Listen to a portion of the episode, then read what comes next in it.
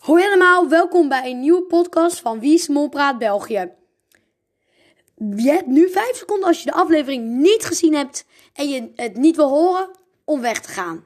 Ja, je kan natuurlijk later weer terug luisteren, maar ik zou, niet, ik zou het je niet aanraden om uh, dan wel te kijken. 5, 4, 3, 2, 1 en we gaan beginnen.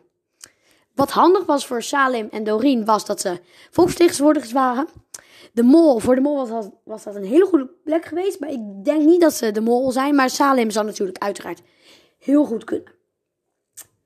Ja, dat, ik vind hem nog steeds verdacht. Bart was natuurlijk ook verdacht aan het einde met die aflevering dat ze die deal gingen sluiten, vond ik vooral.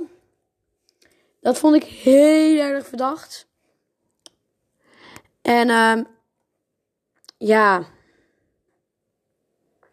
het was wel een beetje weer een hele leuke aflevering. Maar elke aflevering is wel wat leuker. Weer. Eh, elke keer is er weer wat leuks. Maar ja, de, als de mol een volksvertegenwoordiger was geweest, had hij een hele goede. Had hij even een hele goede, zeg maar, soort van baan gehad. Die had dus heel luxe allemaal. Zo vond ik wel. Uh, Daar had ik ook wel willen zitten. Alleen dan zonder champagne. Wijn stinkt. En ja, dat uh, was het een beetje. Leuk dat jullie luisteren. Uh, tot volgende week.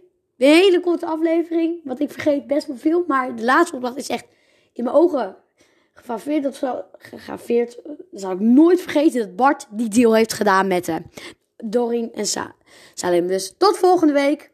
Weer bij een nieuwe Wie is de Mol Praat België.